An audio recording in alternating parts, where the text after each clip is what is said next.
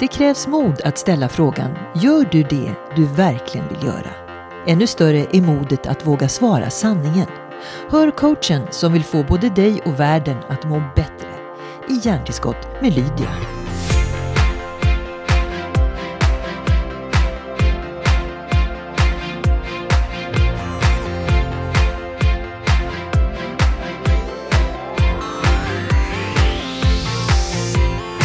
Susanne, jag tänker att eh, eh, när man tittar på, på eh, din hemsida Susanne Pettersson, det är ju, var fantastiskt roligt att få förbereda den här intervjun och gå in och kolla vad du har gjort och gör. Ja. Och det som slår mig det är ju den här rubriken, att må och prestera bra. Ja. Eh, det är vad du jobbar med. För att sammanfatta, vad, vad, innebär det egentligen? Min bakgrund är ju idrotten och jag märkte att inom eh, både, alltså idrottarna, de är vissa, när jag jobbade med, jag jobbar ju framförallt med elitidrotten, de presterade jättebra. Fast de mådde inte speciellt bra. Och en del eh, mådde jättebra fast presterade inte det de önskade, uppnådde inte sina mål. Och då blev det ett signum för mig att ja, okej, att må bra och prestera bra, det är viktigt. Det är... För, för varje medalj är en annars värd om vi inte mår bra. Mm. Eh, och bara presterar bra. Och att bara må bra och inte uppnå det vi vill. Eh, det är ju inte heller för många ett värde i det. Så att må och prestera bra har blivit ett signum för mig och jag älskar att prata om det. Mm. Och vad, vad, är det stora problemet varför man inte mår bra fast man presterar bra då? Ja, det kan vara många olika eh, faktorer. Men att, att jobba med sig själv, att ha ett liv utanför, att ha eh, bra omgivning. Det är ofta väldigt viktigt. Och tidigare inom idrotten så var det så väldigt mycket fokus på prestationen och medaljen. Medan idag så jobbar vi ju jättemycket, eller i alla fall jag jobbar jättemycket med hela människan. Och då, eh, då har vi någon att fira med när vi står där uppe på och får applåder och så. Så att det är väldigt viktigt. Du, du, har ju, eh, du spänner ju över både idrotten och näringslivet. Vilka är knepigast att ha att göra med? Ja, inom idrotten är det så tydligt att vi kämpar för ett mästerskap. Ehm, inom näringslivet eller offentlig verksamhet så är det mer att eh, jag kan komma in i rutiner varje dag fast kanske inte ha så tydlig målsättning. Bolaget och organisationen kan ha en tydlig målsättning fast sen att eh, bena ner den till min egen målsättning i det stora hela. Där tycker jag idrotten jobbar väldigt effektivt och ehm, kan se det är en stor utmaning i näringslivet. Mm. Och oftast kokar det väl ner till kommunikation, eh, hur man pratar med varandra? Ja, alltså både kommunikationen mellan varandra men också din egen kommunikation med dig själv. Så att du är tydlig med varför jobbar jag här? Vad har jag för långsiktiga mål? Vad har jag för kortsiktiga mål? Så att varje dag blir meningsfull. Det jobbar jag jättemycket med med mina idrottare. Vad vill du ha ut av denna träningen? Eh, denna matchen, denna tävlingen? Medans eh, inom yrkeslivet så är det lätt att ja, men nu har det gått ett år till. Mm. Eh, vilka eh, grenar eh, inom idrotten eh, är du i nu och coachar? Kan du berätta? Ishockey, thaiboxning, golf. Eh, ja, mycket, väldigt mycket hockey. Jag är jobbat i sex år med ett hockeylag eh, som heter Malmö Redhawks. Så när jag säger det ute i Sverige så brukar jag säga då är det någon som hejar på Malmö Redhawks brukar ingen räcka upp handen. Jag var i Norrköping i november och så sa jag är det någon som hejar på Malmö Redhawks? Och då var det en man som räckte upp handen. Så sa jag, åh vad roligt, hejar du på Malmö? Nej, nej inte jag. Men jag tror jag har en kompis som faktiskt gör det. så att det är ju charmigt och då är ju rollen att jobba individuellt med spelarna jobba, att de får flytta sig i en gruppprocess framåt. Och att eh, vara ett bollplank till tränarna. Mm. Mm. När du eh, har skrivit dina böcker som är eh, flera stycken, Leda med förtroende, ta, ta, fram kraften inom dig, Bryt ihop och kom igen, Dra åt samma håll, Presentera och briljera. Var får du din inspiration ifrån? Hur, hur är du själv funtad som människa? Inspirationen är djupare faktiskt. Att jag vill vara med och, och bidra till ett bättre samhälle för kommande generationer. Och det låter ju väldigt högt och kanske så här. Fast det är faktiskt så att jag jobbar med kommande generationer. Och ehm, det, det, är roligt att vara med och påverka. Och en del tycker om att lyssna, kommer att lyssna när jag har föreläsningar. Andra vill läsa. Vissa kommer lyssna på denna podden. Så att använda olika kanaler för att nå fram, det tycker jag är viktigt. Mm. Eh, jag blir väldigt glad när du säger att du verkar för att eh, på, på, sätt och vis kanske också rädda den här generationen så mm. de blir bättre än vad vi kanske var. Ja. eh, vad är det största problemet om man nu ska, nu, nu, nu, tittar du på mig kanske lite strängt, man ska inte prata problem utan man ska prata möjligheter, eller hur? Men, men vad är den största utmaningen då för den yngre generationen? Har det någonting med vår samtid att göra, hur vi mår och hur vi ska mm, liksom, fixa det? Ja, det är ju en komplex fråga. Att, att fortsätta ha ett leende på läpparna och följa din inre drivkraft. Det, det snurrar så fort nu och jag har en fyraårig dotter, eller fyra år, hon går i fyran, hon är tio år.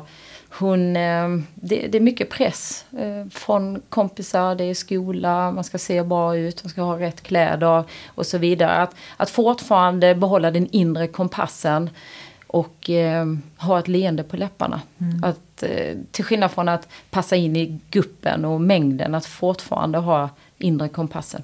Och det här blir lite paradoxalt för man ska ha den inre kompassen som individ och sen ska man passa in i organisationen mm. och vara en mm. i teamet och allt mm. det där. Mm. Eh, det blir två krockar egentligen. Det är mm. inte konstigt att unga inte vet var de ska ta vägen i, i vår gamla företagskultur. Nej, jag tycker alla borde ha en coach någon externt vuxen bollplank som kan hjälpa till att ta helikopterperspektiv och sortera tankar och känslor.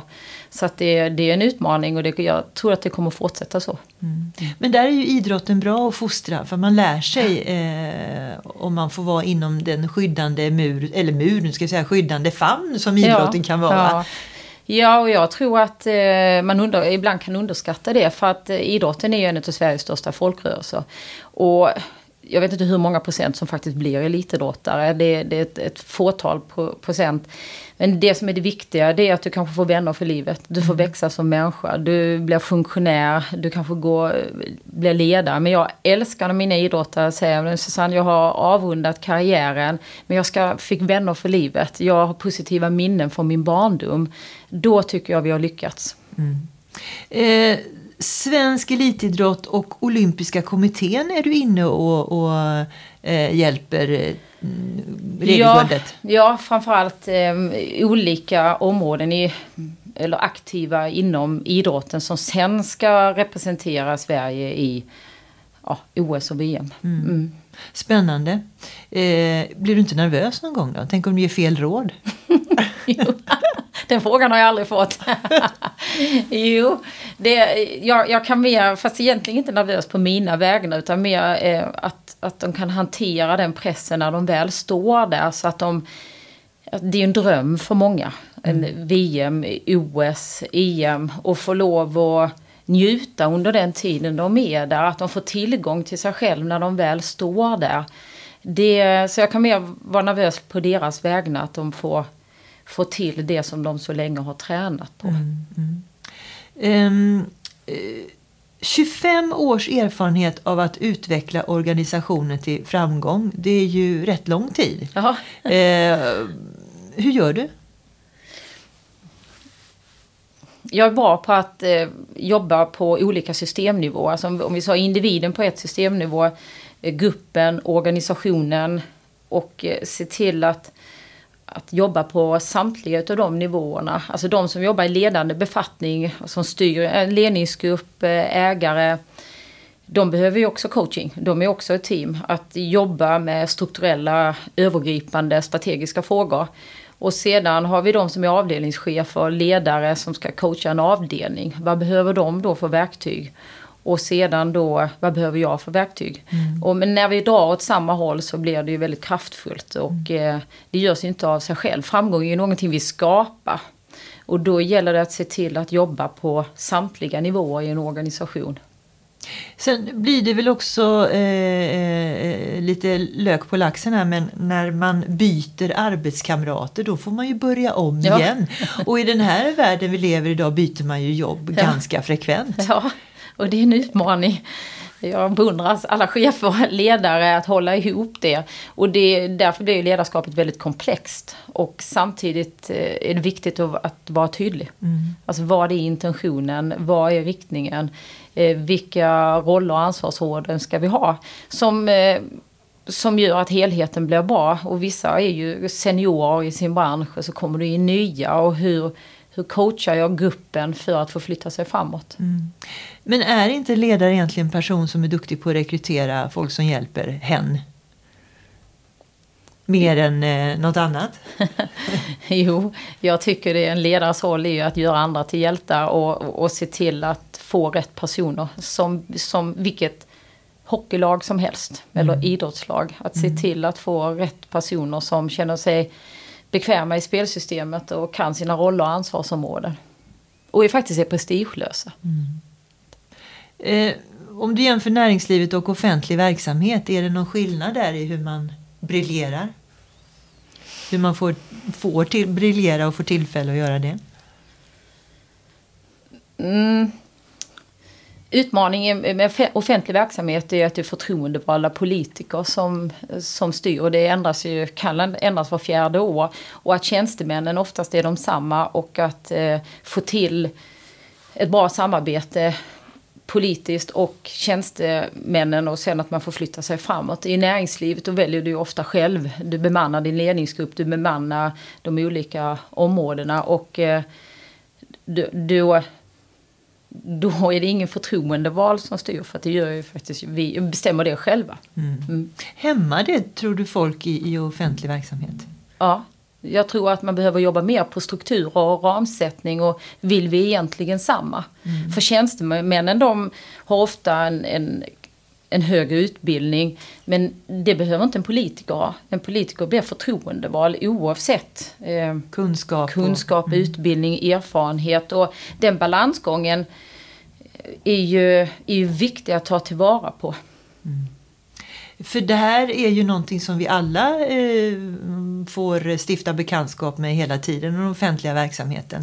Och det är naturligtvis eh, eh, tänkvärt eh, att inse att det här är någonting som eh, går åt ett visst håll. Jag vet inte om du ser någon utveckling och det här. Jag vill inte lägga orden i munnen på det men ser du, någon, ser du någon utveckling som som du ryggar för eller som du gärna vill att man ska observera? Ja, men jag är orolig. Eh, jag har faktiskt de senaste ett, två åren, eh, egentligen sedan Donald Trump blev vald, eh, kan jag vara orolig för de strukturella systemen i hela världen. Alltså om, om vi då tittar bara i vårt land, alltså individ, grupp, organisation och sen så har vi alltså kommuner, landet, EU, FN som är det högsta styrorganet. Och så är det jättemånga medlemsländer som inte följer de mänskliga rättigheterna eh, både omedvetet och medvetet. Och det oroar mig. Därför ser jag min roll idag som ännu viktigare. Att jag kan vara med och påverka det. Och eh, det brinner jag för. Mm. Men du, du är en person i ett litet land som heter Sverige. Ja. eh, vad, under vilken gång eller tillfälle känner du att oj, det här tog fart, det här kanske reser ut lite grann? Någon du har träffat som har spridit dina tankar eller sådär? Det är ju både, det är både organisationer som gör det och det är enskilda högt uppsatta människor som jag coachar. Och eh, Sverige är ändå ett, ett land som är högt an, även om vi är ett litet land så är vi ett av få länder som faktiskt medvetet jobbar eh, mot de mänskliga rättigheterna och håller det väldigt högt. Så vi har hög status internationellt.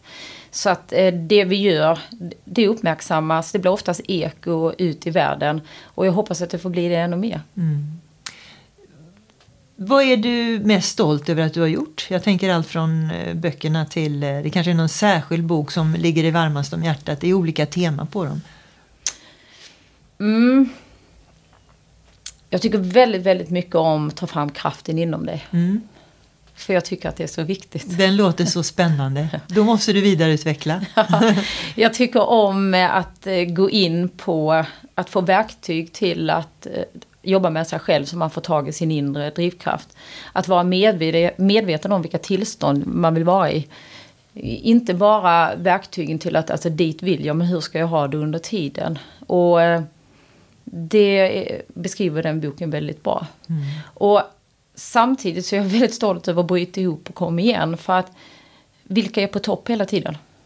Eh, vi, vi, livet drabbar oss med jämna mellanrum. Och att då kanske att det finns någon där ute som kan få lite verktyg. Hur ska jag hantera motgång? Eh, en sorg, en konflikt. Det, är jag, det tycker jag är väldigt viktigt att få med sig tidigt i livet. Mm. Men det här, eh, om vi återgår till det här med att hitta kraften inom, in, inom dig. Eh, jag är så Game of Thrones-störd nu för att jag har tonåringar hemma och jag har lovat dem att titta på alla säsonger. Så jag kopplar ju allt i livet nu till, till denna serie. Eh, men just det här att hitta kraften inom dig, det, det är precis det som eh, den här serien går ut på. Att alla ska hitta den innersta kraften och använda den då. Hur, men, men det låter ju, om du ursäktar, lite grann som floskler. Vad då kraften inom mig? Hur, ja. hur, hittar jag det? Ska jag liksom eh, gå hos en psykolog eller ska jag, vad ska jag göra? Nej, alltså, jag, jag delar den uppfattningen. Det är ju lite floskler över det där. Fast samtidigt så är det väldigt seriöst att eh, fundera på varför gör jag de här sakerna? Vad är det som jag tycker är roligt? Vad är det som driver mig? Vad... Eh, vad vill jag bli när jag blir stor? Mm. Vad, vad, är det, till skillnad från vad alla andra tycker och tänker, till skillnad från vad mamma, pappa, min tränare, agenter, you name it. Men vad är det som jag vill eh, göra och vad brinner jag för? Vad, vad får mig att få ett leende på läpparna? Det, det är ju frågor som man faktiskt kan ställa sig själv ganska tidigt Verkligen. och fortsätta jobba med. Ibland, alltså jag är 51 år idag och tänker vad ska jag bli när jag blir stor? Mm. Och, det är ju en process hela tiden. Men Vad att skönt hålla... att du också säger så. men att hålla det levande, mm. det tycker jag är viktigt. Och att våga bryta. Och, ja, men jag, jag valde den här dörren för jag trodde att det var för mig. Fast jag har inte leende på läpparna, det är inte det som driver mig. Alternativt, nu har jag gjort detta i tio år så jag vill testa någonting annat. Men att hela tiden känna att jag lyfter blicken mot någonting. Jag frågar min dotter, eh, som sagt Molly som är tio år, vad vill du bli när du blir stor? Jag var ju tvungen till att googla svaret. För då sa hon, jag vill bli youtuber. Och det har, jag hade ju hört innan men jag visste inte om man faktiskt kan, kan bli en youtuber. Bli och det kan man. Det finns en utbildning. Så när jag sa det till henne så sa hon Wow mamma vad roligt! Och sen nästa vecka så sa hon, men jag gillar ju det här med djur, jag vill bli veterinär och djurskötare. Men att, att det finns möjligheter och att hålla det vid liv, till skillnad från att jag talar om för henne vad jag tycker att hon ska bli. Och då kan du tänka dig vad mycket intryck de får hela tiden, när, de här yngre individerna. Ja. Eh, som, är, som man inte kan kontrollera, som är både bra och dåligt naturligtvis. Ja men absolut. Mm. Och, och hela tiden. Och det blir svårare att styra med allt med sociala medier.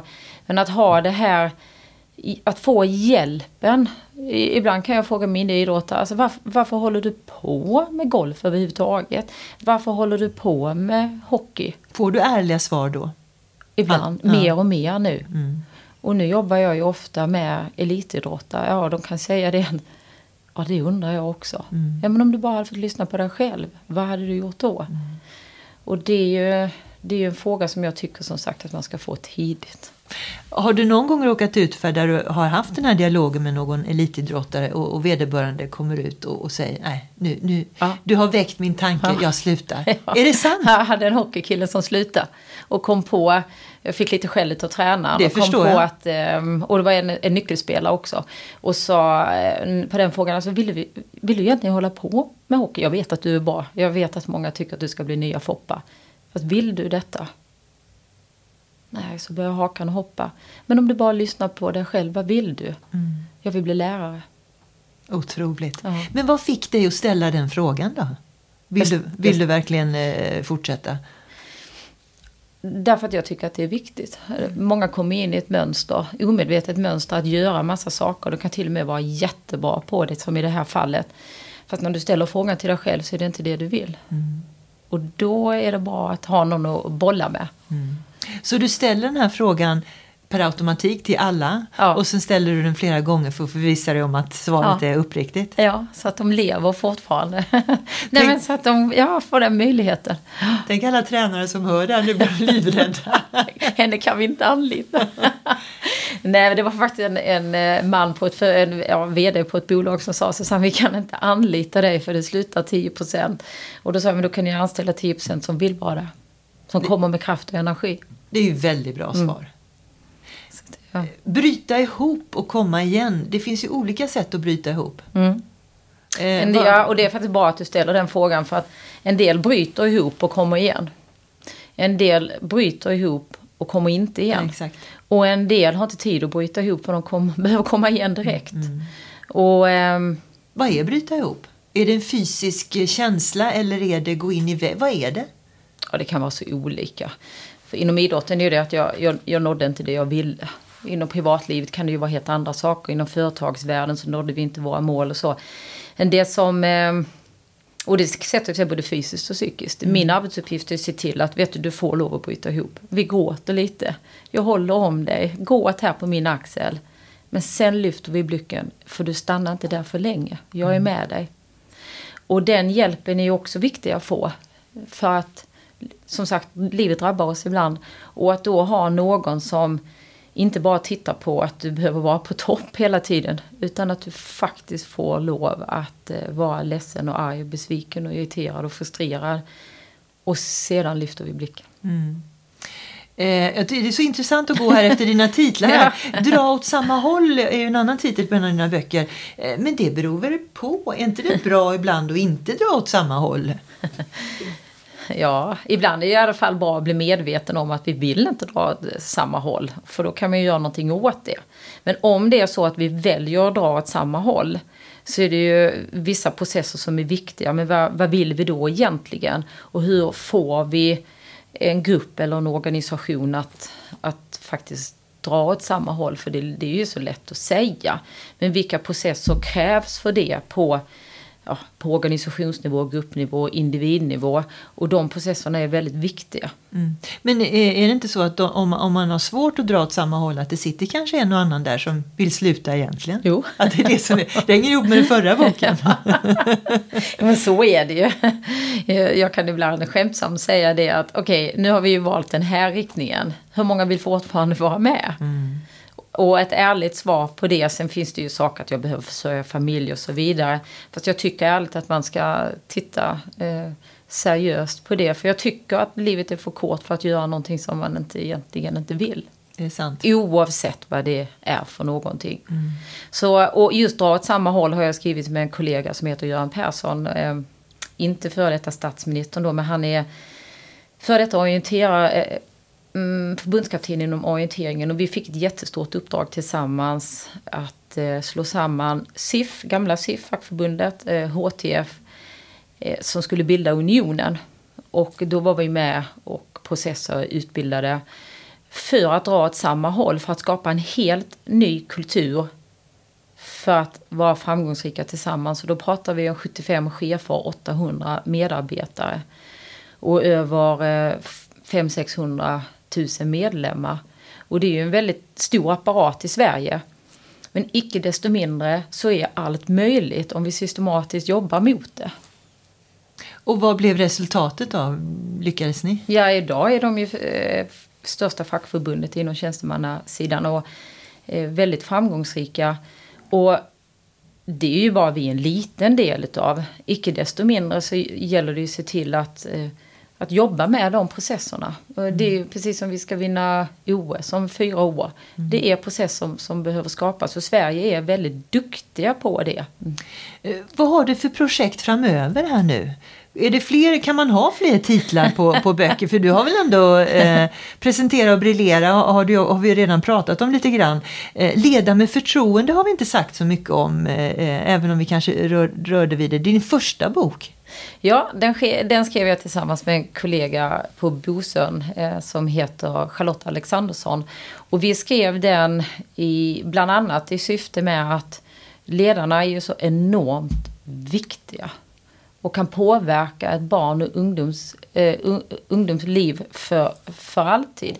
Ibland brukar jag fråga mina idrottare att eh, vad är den största faktorn för din framgång?